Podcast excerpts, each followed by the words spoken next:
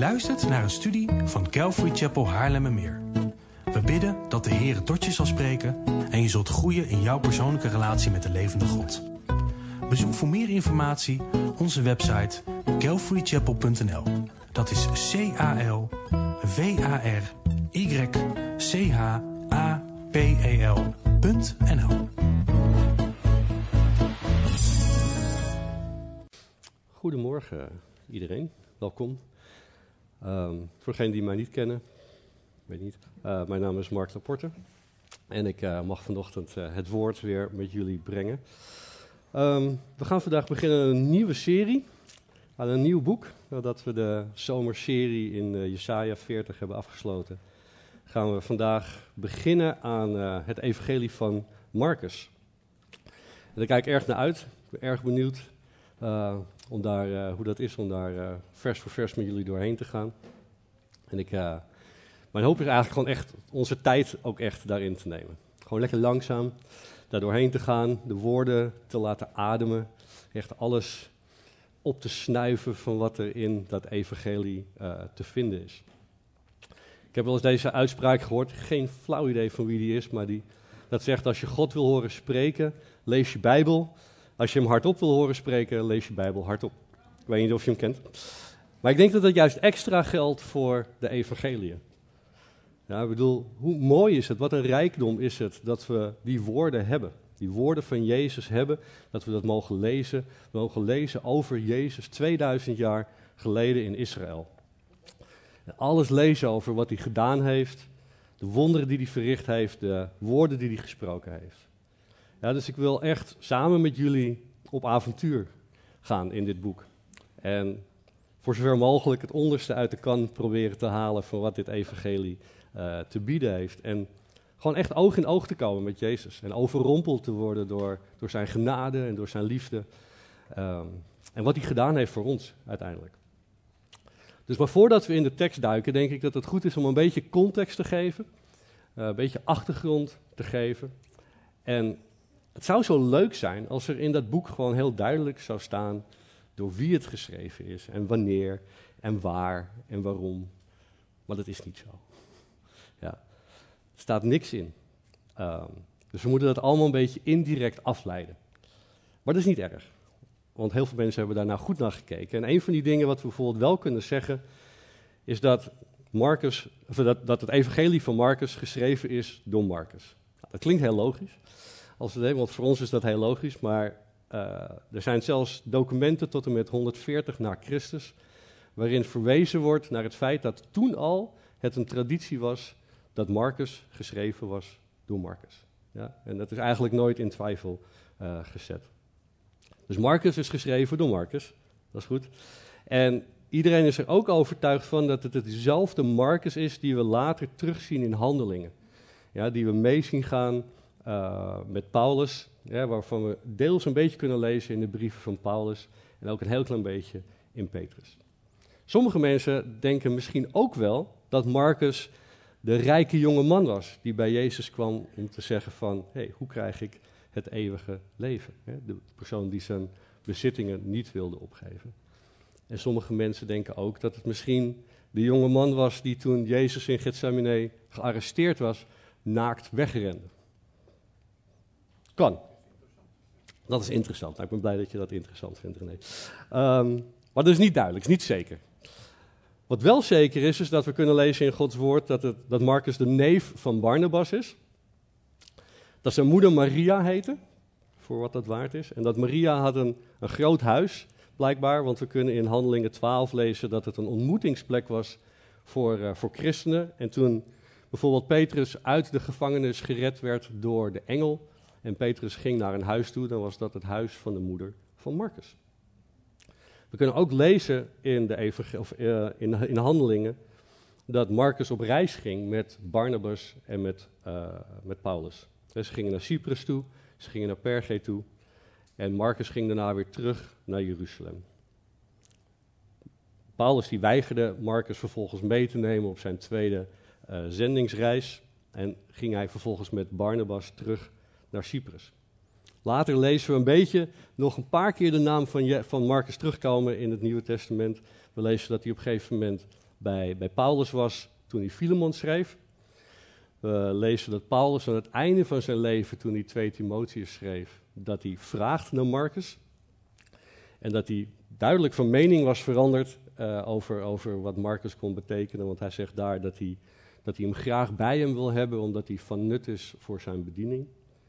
En we lezen tussendoor ook dat, dat Marcus bij Petrus is geweest in Rome. En blijkbaar hadden zij een sterke band, want in zijn eerste brief van Petrus uh, vertelt hij op een gegeven moment dat hij Marcus leest als, of Marcus ziet als zijn zoon. Nou, dat verdient misschien iets meer uitleg, want daar komen we meer bij het punt van, oké, waar is Marcus geschreven? En de kans is het grootst, niet helemaal duidelijk, maar de kans is het grootst, dat Marcus ongeveer geschreven is in 65 na Christus in Rome, uh, toen hij bij Petrus was. Ja, en dus Petrus is de, de primaire ooggetuige van uh, waar, waar Marcus zeg maar, zijn evangelie vandaan haalde. En sommige mensen willen misschien ook soms zeggen dat Marcus' evangelie het evangelie van Petrus is. Ik weet niet of dat helemaal waar is, want dat is echt duidelijk wel, denk ik, door Marcus geschreven. En Marcus die schreef dat evangelie aan de christenen in Rome. Net als dat Paulus aan Rome schreef uh, een paar jaar daarvoor. En de aanleiding zou geweest kunnen zijn dat er in de zomer van, van 64, ik wou bijna zeggen 1964, maar in 64 uh, een grote band brand blijkbaar is geweest in Rome, uh, waar op wat voor reden dan ook de christenen daar de schuld van kregen. En dat leidde tot wat vervolging van de, Christus, van de christenen. En Marcus schreef dit evangelie om de christenen daar te sterken in hun geloof in het uitdragen van het evangelie. En hij schreef dit echt met het doel van, oké, ik wil dat jullie zien waar het om ging bij Jezus. Dus zijn hele punt van het evangelie is toe te werken naar het lijden van Jezus en hoe dat een bemoediging kan zijn in daar waar ze toen doorheen gingen. Ja, dus je zou bijna kunnen zeggen dat het evangelie van Marcus een soort manifest is. Een soort missieverklaring, gecentreerd rondom de dood van Jezus. En ik denk dat we dat ook kunnen zien in de structuur. Ja, als we naar het openingsvers kijken, waar we vandaag naar gaan kijken, daar staat, staat dit in, Marcus 1, vers 1. Het begin van het evangelie van Jezus Christus, de Zoon van God. En vervolgens gaan we verder in dat evangelie en bouwt het op en bouwt het op en bouwt het op naar het einde van hoofdstuk 8. Hoofdstuk 8, vers 29, waar we een denk ik, bekende situatie hebben van herkenning en erkenning. Ja, want Jezus vraagt daar van, joh, wie, wie zeggen mensen dat ik ben? En, en, sommigen zeggen dan, oh ja, u bent Elia en u, u bent een, een profeet, et cetera. En dan vraagt Jezus van, maar wie zeggen jullie dat ik ben? En Petrus die antwoordt dan, maar u, hè, uh, Petrus antwoordt dan, hij zegt, u bent de Christus. Ja, Jezus is de Christus, is de Messias, is de gezalfde. Ja, dat is het, het middenpunt, zeg maar, het eerste punt waar Marcus, het Marcus-evangelie naar toe opbouwt. Naar het punt en naar de herkenning en de erkenning dat Jezus de Christus is. En dan de tweede helft van het evangelie, de rest van de hoofdstukken, gaan we richting Jeruzalem. Bouwen we op, zeg maar, naar die climax um, van de kruisiging. En dan gebeurt die kruisiging en dan bijna het vers daarna lezen we in Marcus 15:39 dat de voorman die daar staat, die Romeinse voorman, die zegt werkelijk deze mens was Gods zoon. Dus we zien in dit Marcus-evangelie, door die twee punten heen, zien we in principe twee belijdenissen. Eerst die van Petrus, die zegt, u bent de Christus. En dan vervolgens aan het einde van het evangelie lezen we de voorman die zegt, Jezus is de zoon van God. Eén beleidenis van een Jood, één beleidenis van een heiden. En die twee belijdenissen zien we al terugkomen in dit eerste vers. Ja, het begin van het evangelie van Jezus Christus, de Zoon van God. Ja, dus dat is eigenlijk het kern, de kern van het evangelie. Dat is hoe Marcus zeg maar, zijn hele evangelie gaat inpakken in al die 16 hoofdstukken. Maar ik denk ook dat we kunnen zeggen dat dit evangelie meer dan een boek is over Jezus. Dat het meer dan een biografie is van Jezus. Want Marcus wil ons ook duidelijk maken hoe het, wat het is of wat het betekent om een discipel te zijn. Ja, dus waar we de eerste helft van het boek zeg maar, opbouwen naar het punt van wie is Jezus, wat is zijn identiteit, en hij is de Christus, zie je meer dat in de tweede helft van het boek, zie je dat er uit die identiteit een activiteit uitvloeit, uit voortvloeit. En dat is, nu dat we dat weten, wat betekent het dan om een discipel te zijn van die Jezus? Ja, dus daar is de tweede helft meer op gericht. Nou, nog één ding, uh, wat ik denk misschien goed om te kijken van, als we dit evangelie een beetje zetten te midden van de andere drie evangeliën, uh, wat, wat, kunnen we daar dan van zeggen? En het enige wat ik daarover wil zeggen is dat als je naar Matthäus zou kijken, dan zou je kunnen zeggen dat het een plaatje geeft van Jezus als Messias. En heel erg gefocust is op wat Jezus heeft gezegd. Want dat was belangrijk voor de Joden. Als je naar Lucas zou kijken, dan zie je dat het meer focust op Jezus als de, de zoon des mensen, de mensenzoon. En Lucas is heel erg gefocust op het gevoel van Jezus, hoe hij zich voelde en wat dat, met hem, hè, wat dat veroorzaakte. En als je naar Johannes kijkt, dan is het echt een plaatje van de zoon van God. En focust meer op wat Jezus deed. Maar Marcus is meer gefocust op het plaatje van, van Jezus als dienaar. Ja, en wat hij deed. Ja, dus vandaar dat het evangelie van Marcus ook erg actiegericht is, als je dat leest. Ja, het, is, het is bijna net een soort filmscript als je dat zou lezen. En het gaat heel snel van scène naar scène naar scène. En je ziet dat zoveel keren door dit, door dit evangelie heen, volgens mij al iets van ruim 40 keer, uh, wordt er gezegd, en meteen toen, en meteen toen. Weet je wel, je ziet gewoon dat het heel snel van scène op scène, op scène gaat. Nou, dus dat is een beetje achtergrond um, van, van het evangelie van Marcus. Dat we een beetje een gevoel hebben van de context van waarom Marcus dit evangelie schreef en hoe we eigenlijk een beetje naar het geheel moeten gaan kijken. Dus laten we bidden um, en dan erin duiken. Vader, ik dank u, Heer, voor, voor uw woord. Heer, ik dank u dat we dit woord mogen lezen.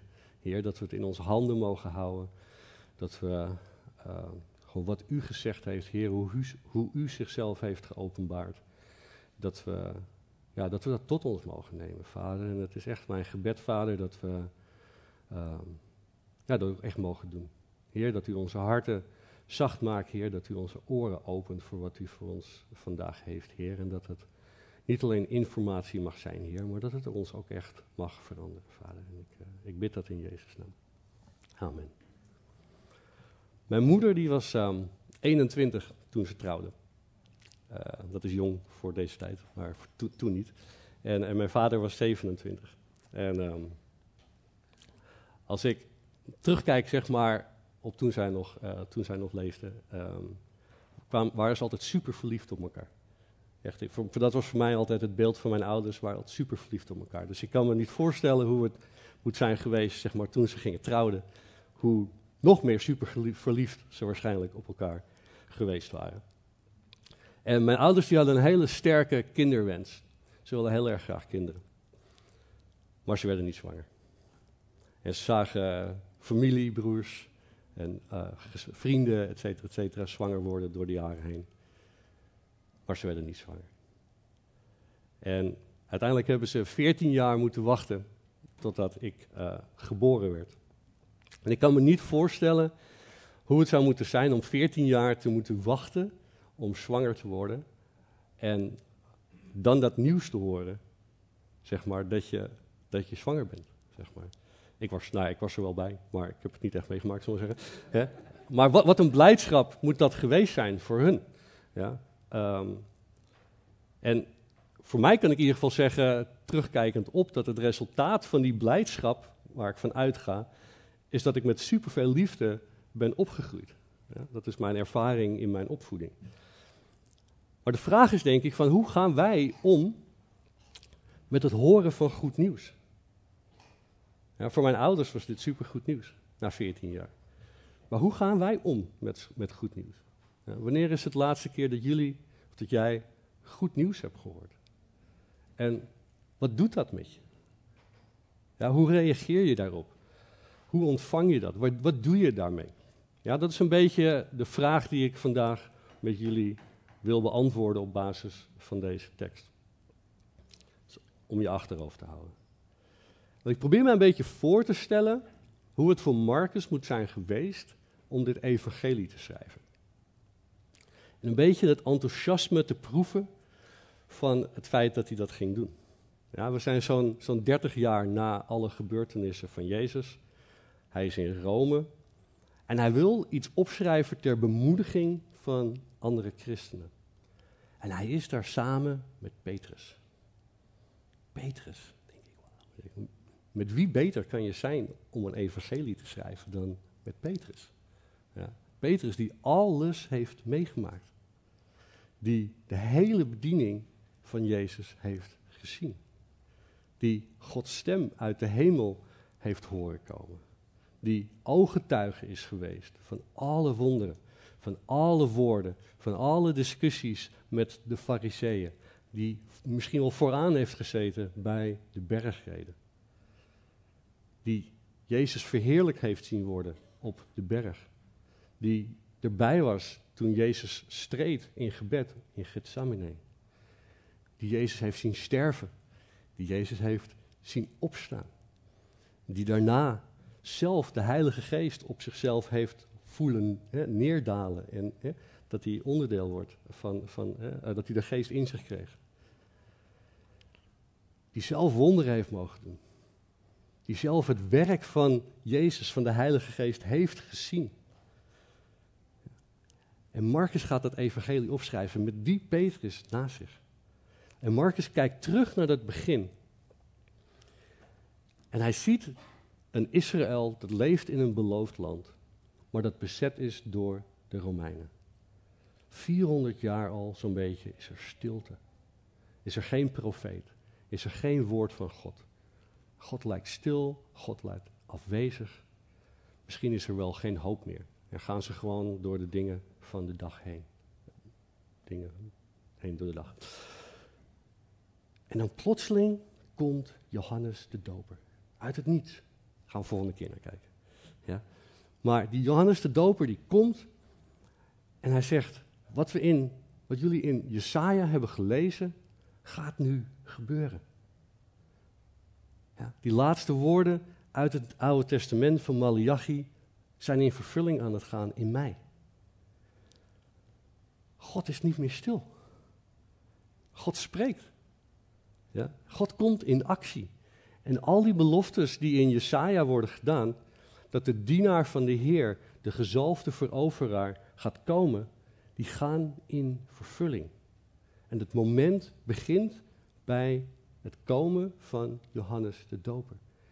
En dat verzorgt een kettingreactie die gewoon niet meer te stoppen is. Dus er gaat iets gebeuren.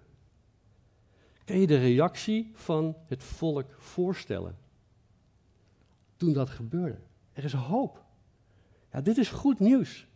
Na al die jaren van stilte spreekt God. Gaat God komen? Gaat hij in actie komen? En we kunnen lezen, zij konden lezen wat dat betekende. In Jesaja en andere profeten, maar primair Jesaja. Ja, dit is goed nieuws. Dit is het goede nieuws. Er is geen beter nieuws dan dat. Dit is precies waar ze op hoopten.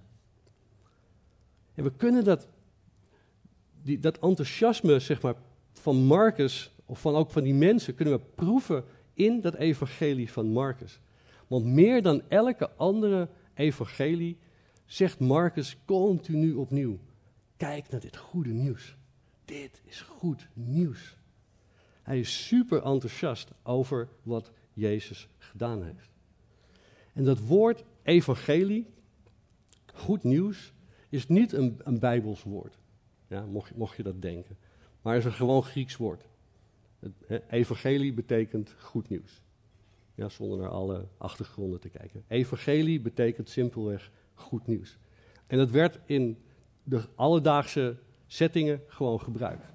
Dus als je ziek was En er kwam een dokter bij je en die dokter zegt, joh, er is eigenlijk niks aan de hand. Dan was dat evangelie. Goed nieuws. Ja. Als er een strijd ergens werd gevoerd en de strijd werd gewonnen, dan kwam er iemand, ging er terugrennen naar de stad, naar de koning, om het goede nieuws te brengen dat ze gewonnen hadden. Het evangelie. Dus het is gewoon een woord. Maar Marcus maakt er een apart woord van. Ja, er zijn zelfs uh, ideeën dat Marcus misschien wel het eerste evangelie was wat geschreven is. Heel lang dachten ze dat niet, maar tegenwoordig denken ze dat, denken ze dat wel. Dus we zouden misschien kunnen zeggen dat Marcus wel de, de, de voorloper is geweest, de starter is geweest van het evangelie, het evangelie te noemen. Ja, het goede nieuws. En dat goede nieuws geeft dus een feestelijk gevoel. Dat komt met vreugde, dat gaat gepaard met jubelen. Ja, als we naar Lucas 2 kijken, vers 10, als, als de, de engelen komen bij de herders om de komst van Jezus' geboorte aan te kondigen, dan staat daar, wees niet bang, want ik kom jullie goed nieuws brengen. Dat het hele volk met grote vreugde zal vervullen. Ja? Goed nieuws brengt grote vreugde. En de komst van Jezus is het beste nieuws ooit. daarom zegt Marcus, dit is het goede nieuws. Niet zomaar goed nieuws, enkelvoud. Het goede nieuws. Er is geen ander nieuws. Er is geen beter nieuws. En voor Marcus, aan de start van dit evangelie, is dit primair het goede nieuws. Dat Jezus is gekomen. En dat het de start is van iets radicaals nieuws. Dat nooit meer, dat iets nooit meer hetzelfde zal zijn. Dat is wat voor Marcus het evangelie primair betekent. De komst van Jezus. Iets radicaals anders gaat er nu gebeuren. Niks is meer hetzelfde. Maar ik denk dat het goed is om dat evangelie iets meer uit te diepen. Om daar wat meer armen en benen aan te geven. Om dat van verschillende kanten te gaan bekijken door naar verschillende passages te gaan kijken in het Nieuwe Testament, die er wat meer uitleg aan geven. Dat is niet makkelijk, heb ik gemerkt deze week. Dus ik hoop dat dat gelukt is. Ehm, dus ik moet door een aantal, mensen, ik, moet, ik ga door een aantal versen heen met jullie om dat beeld proberen te schetsen van wat dan het evangelie is. En voel je vrij om al die versen mee te schrijven, al die referenties, maar weet ook dat het later op de website al mijn notities gewoon nagelezen kunnen worden. Dus je mag ook gewoon lekker al die versen over je heen laten komen. De keuze is aan jou. Ik wil beginnen in Handelingen 14. In Handelingen 14 hebben we het verhaal dat Paulus en Barnabas in Lystra zijn. En daar een kreupele man genezen. En de menigte die wordt helemaal opgejut daardoor. En die, die, die roepen en die, die, die, die die vertellen, zeg maar, of die zien dat Paulus en Barnabas als goden zijn die uit de hemelen, hemel zijn gekomen en aan de mens gelijk geworden zijn. En ze willen vervolgens een offer brengen aan hun. En Paulus op dat moment zegt van ho, ho, stop, stop. Dat lijkt me geen goed plan. En hij zegt vervolgens in vers 15 van Handelingen 14, zegt hij dit. Hij zegt, mannen, waarom doet u dit? Ook wij zijn mensen net als u. En wij verkondigen u juist dat u zich van deze zinloze dingen moet bekeren tot de levende God, die de hemel, de aarde, de zee en alles wat erin is gemaakt heeft. En als Paulus hier in deze vertaling zegt, wij verkondigen u juist dat, staat er letterlijk, wij brengen u het evangelie juist. Ja? Dus wat we kunnen zeggen als een soort startpunt, is dat het evangelie is dat er een levende God is. Ik denk dat dat een goed startpunt is voor het evangelie. Er is een levende God die in de hemel is, die alles heeft gemaakt. De aarde, de zee en alles wat erin is. Zonder levende God is er simpelweg geen goed nieuws. Ja? Een levende God is de hoeksteen, is het ankerpunt van het evangelie. Er moet een levende God zijn. Maar er is meer dan dat. Die levende God is ook heerser over alles. Als Paulus in de Romeinen 10 een verwijzing maakt naar een bekend vers in Jesaja 52, vers 7, dan zegt hij dit. Hoe liefelijk zijn op de bergen de voeten van hem die het goede, het goede boodschapt, die vrede laat horen, die een goede boodschap brengt van het goede, die heil laat horen, die tegen Sion zegt, uw God is koning. En elke Nederlandse vertaling zegt daar, uw God is koning. Letterlijk staat er, uw God heerst. Ja. Met andere woorden, naast een levende God hebben we ook een heersende God nodig. Ja. De een kan niet zonder de andere, zonder goed nieuws te hebben. En Jesaja voorzag dat er een dag zou komen dat Gods soevereine heerschappij zou doorbreken in deze wereld die met zonde overgoten is. En dat er grote vreugde daardoor zou komen. En met de komst van Jezus breekt Gods koninkrijk door in de wereld. Dus we hebben niet alleen een levende God, maar we hebben ook een heersende God. En dat is dat koninkrijk van God wat doorbreekt. Ja, Marcus, eh, Jezus zegt hier een paar versen verder in Marcus hoofdstuk 1, vers 15. De tijd is vervuld, het koninkrijk van God is nabijgekomen. Bekeer u en geloof het evangelie. De komst van Jezus betekent de komst van het koninkrijk. De koning, de levende God, de heerser is gekomen. Geen goed nieuws zonder levende God, geen goed nieuws zonder een koninklijke, soevereine God, koning, heerser die gaat komen.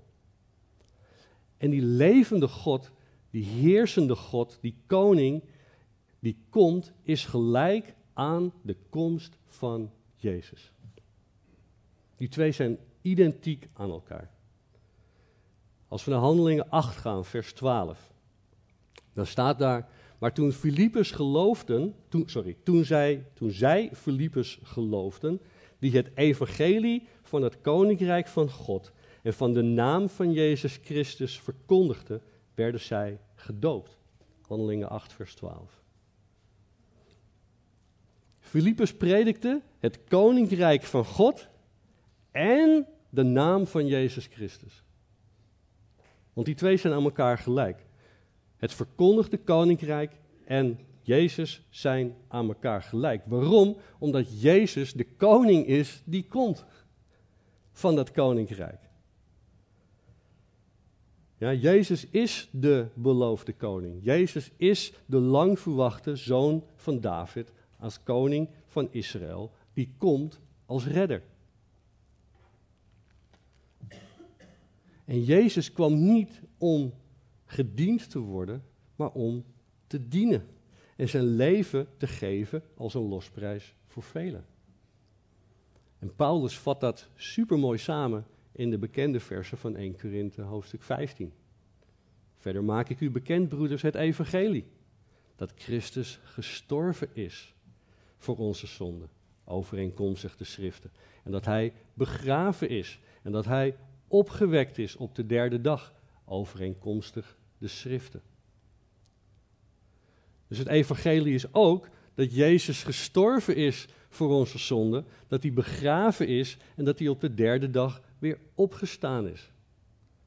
En als je erover nadenkt, is dat logisch. Want als je een levende God hebt, een beheersende God hebt die als koning komt in de persoon van Jezus, en die koning gaat dood, dan valt er niks meer te heersen, te regeren. Ja, een koning die niet in staat is om over zijn volk te heersen, is geen koning. Dus hij moet wel levend zijn. Ja, dus vandaar dat Jezus uit de dood is opgewekt, zodat hij als koning kan regeren over zijn volk. 2 Timotheus 2, vers 8 zegt Paulus: Houd in gedachten dat Jezus Christus uit de doden is opgewekt, overeenkomstig het evangelie. Dus we hebben een levende God.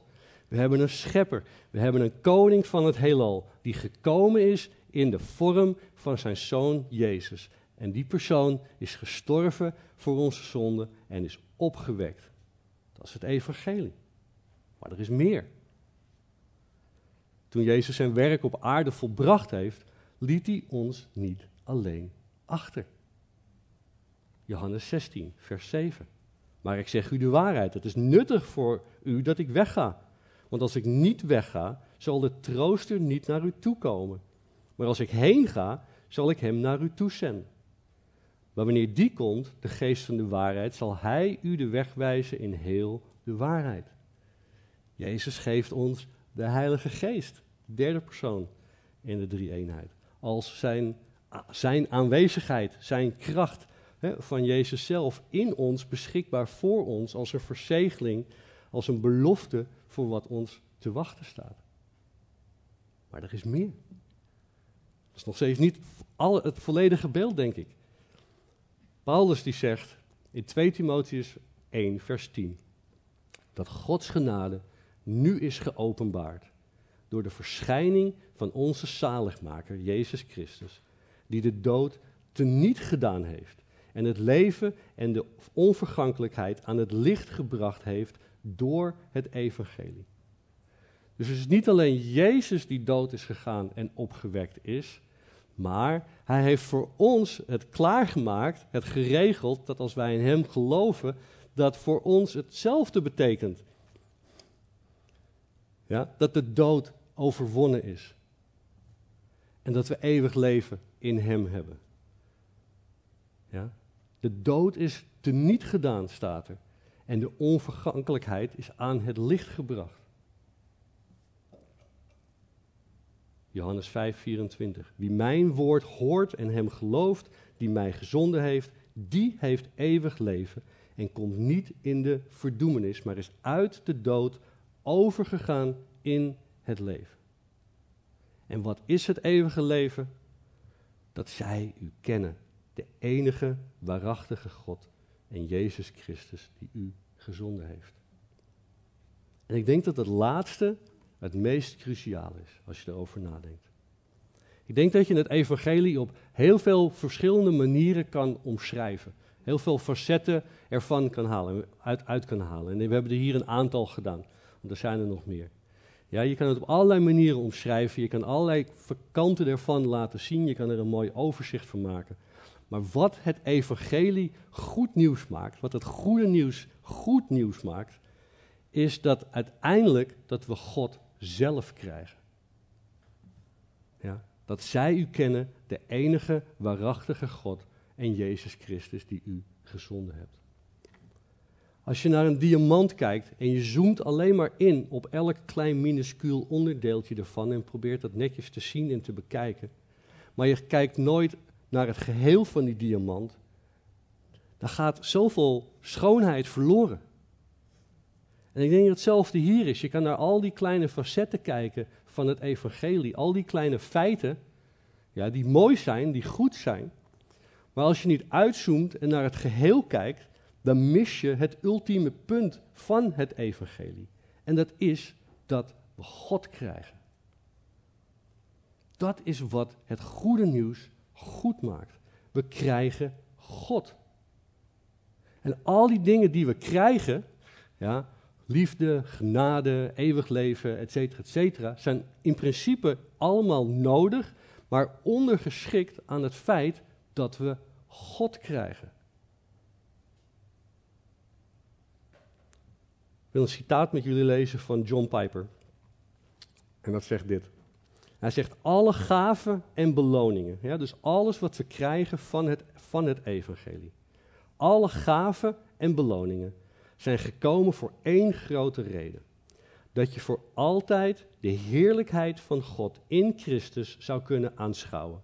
En door het aanschouwen het soort persoon wordt dat zich boven alles in God verheugt. En dat door dat verheugen zijn opperste schoonheid en waarde tentoongespreid wordt met steeds toenemende helderheid en eeuwige gelukzaligheid. Nou, als je John Piper een beetje kent, zijn dit typische John Piper woorden. Maar zijn punt is wat hij probeert te zeggen, is dat we krijgen God. We mogen God zien in al zijn glorie en heerlijkheid. En hoe meer we naar God kijken en hoe meer we God zien, hoe meer we zelf, zeg maar, een reflectie gaan zijn van die God. Dat is wat hij zegt. En dit evangelie, dat we God krijgen, is beschikbaar voor iedereen. Ja, want God heeft zijn zoon voor een ieder gegeven. Maar ik denk dat dit tot een belangrijke vraag leidt. En die vraag is: waarom is dit goed nieuws? Dat klinkt allemaal heel mooi. Maar waarom is dit goed nieuws? God heeft ons geschapen met een bedoeling en met een doel. En dat is om Hem te kennen, van Hem te genieten, Hem glorie en eer te geven met ons leven. Wij besloten om voor onszelf te leven, op basis van onze eigen regels, onze eigen eer en glorie. Een relatie met onszelf belangrijker te vinden dan een relatie met Hem. En God heeft ons overgegeven daardoor aan onze zonden. Die leiden tot dood in plaats van leven in Hem. En die weg terug naar God, dat kan niet komen vanuit onszelf. Ja, wij zijn zelf van God weggegaan, maar de weg terug naar God kan niet uit onszelf komen. En dat kan zeker niet door goede daden komen. En ik denk tenminste voor twee redenen waarom dat niet kan. De eerste reden is dat Paulus in Romeinen 3, vers 12 zegt: Er is niemand die goed doet. Er is er zelfs niet één. Niemand die goed doet. Dat is reden 1 waarom we niet met goede daden terug bij God kunnen komen. tweede reden waarom ik denk, is het bekende verhaal van die rijke jongeling, die ik eerder aanhaalde in Marcus 10.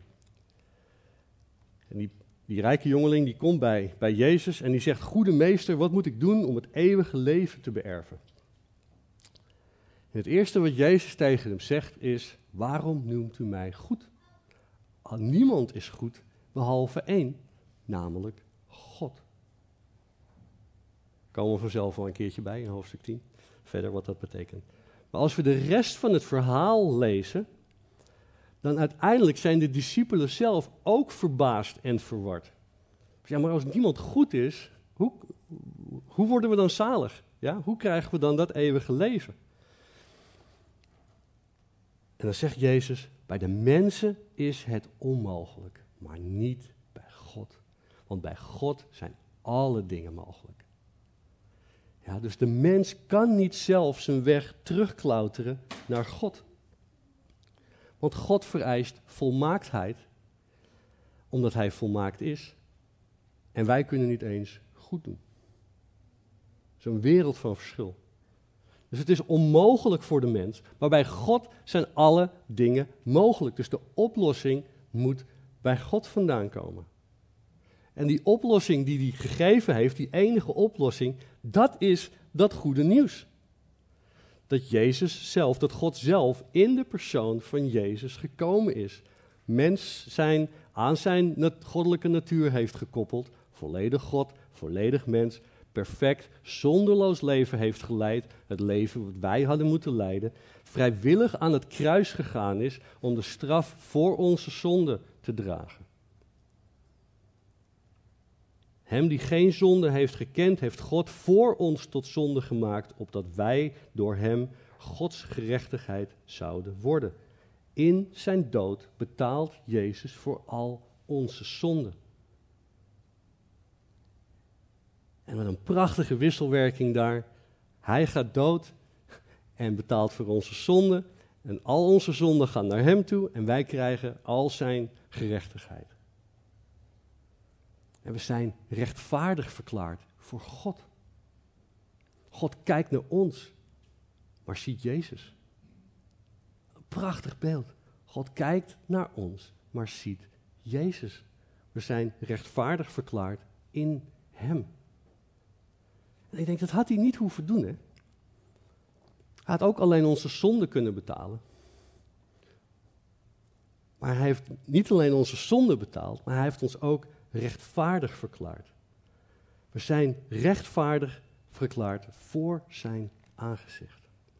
En dit betekent vrede met God. Dit betekent verzoening met God. Dit betekent toegang tot God. Ja, dat is wat de dood voor Jezus voor ons gedaan heeft. En vervolgens verslaat Jezus de dood en staat hij drie dagen later weer op. En de opstanding bevestigt wie Jezus is en wat hij heeft gedaan. Het bevestigt dat hij was wie hij zei dat hij was. Hij bevestigt alles wat hij gedaan heeft.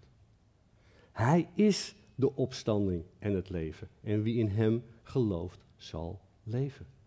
Dat betekent dat hij de waarheid sprak. En dat alles wat hij beloofde gebeurd was. En dus alles wat hij beloofd heeft wat nog gaat gebeuren, ook zal gaan gebeuren. Dus we mogen vertrouwen op dat. We mogen op hem vertrouwen. En dat is een zekere hoop. Zekere hoop van de vervulling van al zijn beloften. De terugkeer wanneer hij ons komt halen. Dat we voor altijd bij hem zullen zijn. Dat we hem zullen zien zoals hij is. Dat we uh, zelf wederopstanding mogen ervaren. Dat we een nieuw onvergankelijk lichaam krijgen. Eeuwig leven hebben in zijn aanwezigheid. Daar mogen we op vertrouwen. Op basis van wie Jezus is en wat hij heeft laten zien. En tot die tijd geeft hij ons de Heilige Geest als onderpand, zoals hij had beloofd. En mogen we leven naar zijn wil en leven voor zijn eer en glorie, omdat de macht van zonde in ons leven is teniet gedaan. En mogen we wandelen en leven in de geest en gehoorzaam zijn aan zijn leiding in ons leven. Dat is de oplossing. Dat is het goede nieuws. Dat is wat God biedt en dat hij vrijelijk aanbiedt aan een ieder van ons. En dit is waar Marcus naar verwijst in zijn openingswoorden, kijkend naar het geheel, omdat hij vanaf de achterkant schrijft. Ik snap dat dit veel is. Ja? Veel versen, veel theologische aspecten en al dat soort dingen. Sorry. Maar ik vind het belangrijk dat we een juist beeld hebben van dat evangelie. Ja, en dat we op het goede punt uitkomen. Dat God zelf het evangelie is. Ja, hij is het goede nieuws. En ik denk van Mark, kan je niet misschien een samenvatting geven?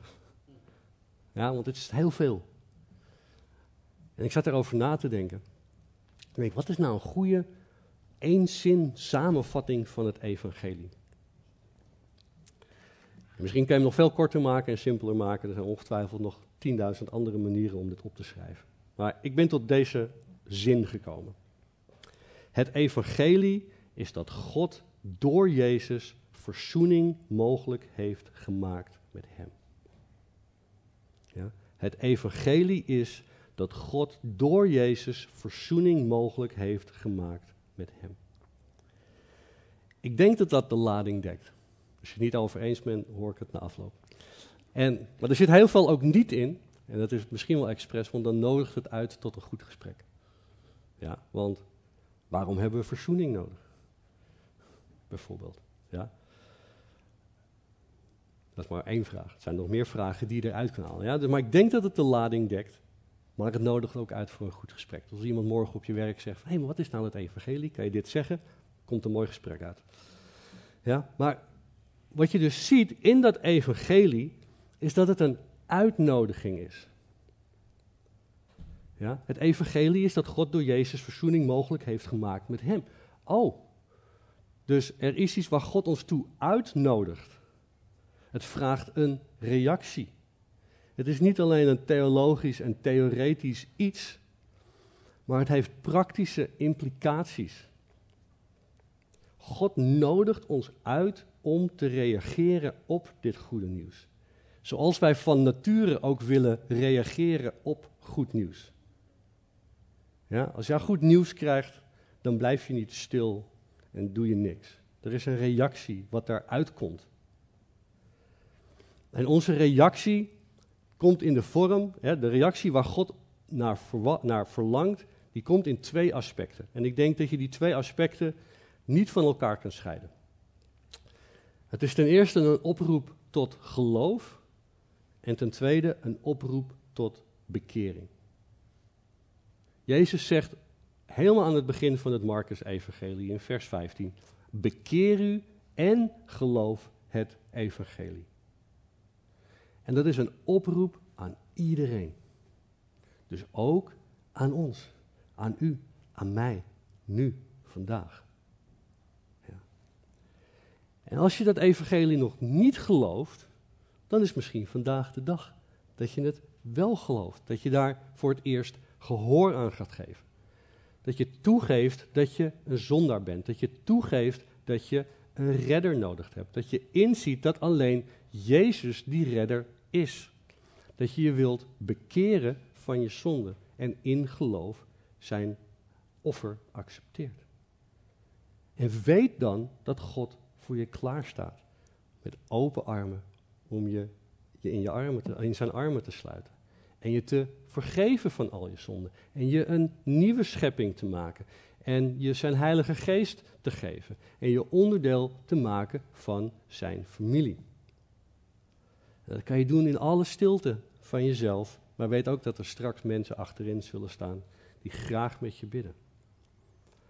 Maar als je dit ook al wel gelooft, dan gaat deze oproep ook naar jou uit. Het evangelie is niet alleen voor degenen die niet geloven. Het is juist ook voor degenen die wel geloven. Het is niet iets wat we gewoon eenmalig accepteren en dan klaar. We kunnen het niet ontgroeien. We hebben altijd een noodzaak voor het evangelie. Ja, de oproep tot geloof en bekering is voor elke dag, is voor elk moment. Toen Maarten Luther zijn 95 stellingen aan de deur, aan de kerk klopte, uh, ergens in 1500 uh, eh, nog iets, was de eerste van zijn 95 stellingen was dit.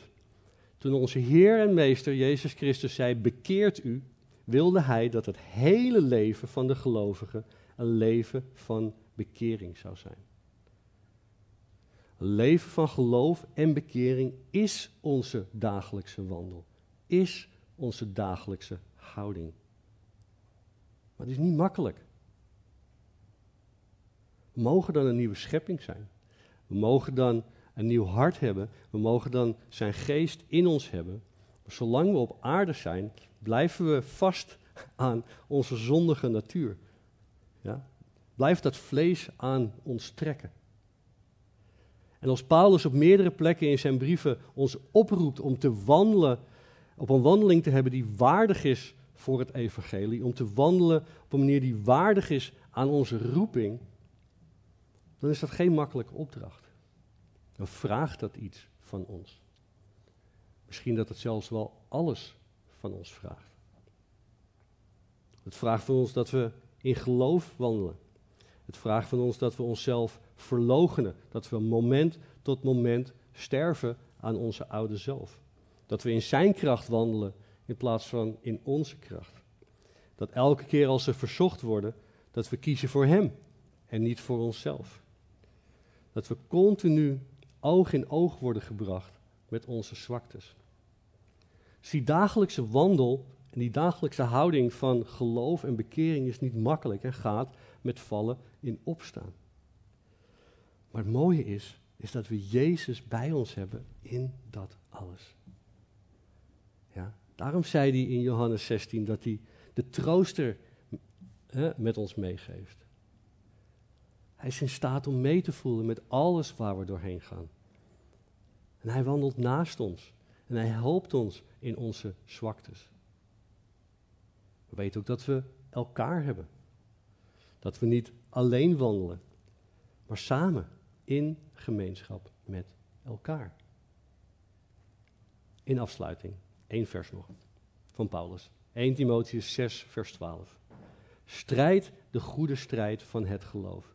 Grijp naar het eeuwige leven waartoe u geroepen bent. Laten we het evangelie met beide handen vastgrijpen. Als enige oplossing. Ja, laten we ons uitstrekken naar Hem. Want God is het evangelie. Ja, Hij is het zo waard om bij Hem te zijn. Voor alle eeuwigheid. Laten we bidden. Vader, ik dank u, Heer, voor uw woord. Ik dank u voor het evangelie, Vader. Ik dank u dat u gekomen bent, dat u ingebroken bent op onze wereld, Heer, dat we dat zo nodig hadden. En goed nieuws kwam brengen. Het beste nieuws ooit, Vader. Dat u voor ons gedaan heeft wat we nooit voor onszelf konden doen, Heer. En dat u voor ons een weg terug naar u heeft voorbereid, Vader. Dat we verzoend mogen zijn met u. Dat we in uw aanwezigheid weer mogen zijn. Dat we mogen genieten, Heer, van uw aanwezigheid. Heer, ik bid, Heer, dat u dat diep in ons hart drukt, Heer. Hoe goed dat nieuws is. Heer, ik bid dat dat echt um, het startpunt mag zijn van een wandel. Heer, dat we opstaan en, en erkennen en zien, ah, u bent de Messias. U bent de Christus. U bent mijn redder. Ik heb u nodig vandaag, Heer, van moment tot moment, om te wandelen, Heer, in uw licht, naar uw wil. Heer, help ons om dit goede nieuws echt als goed te zien.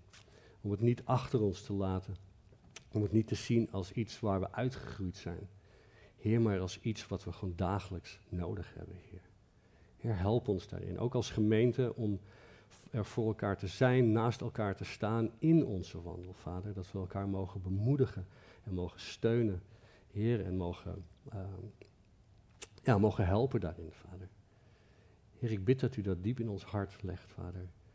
Uh, dat, we, ja, dat we op die manier gewoon voor u mogen leven. In Jezus' naam. Amen.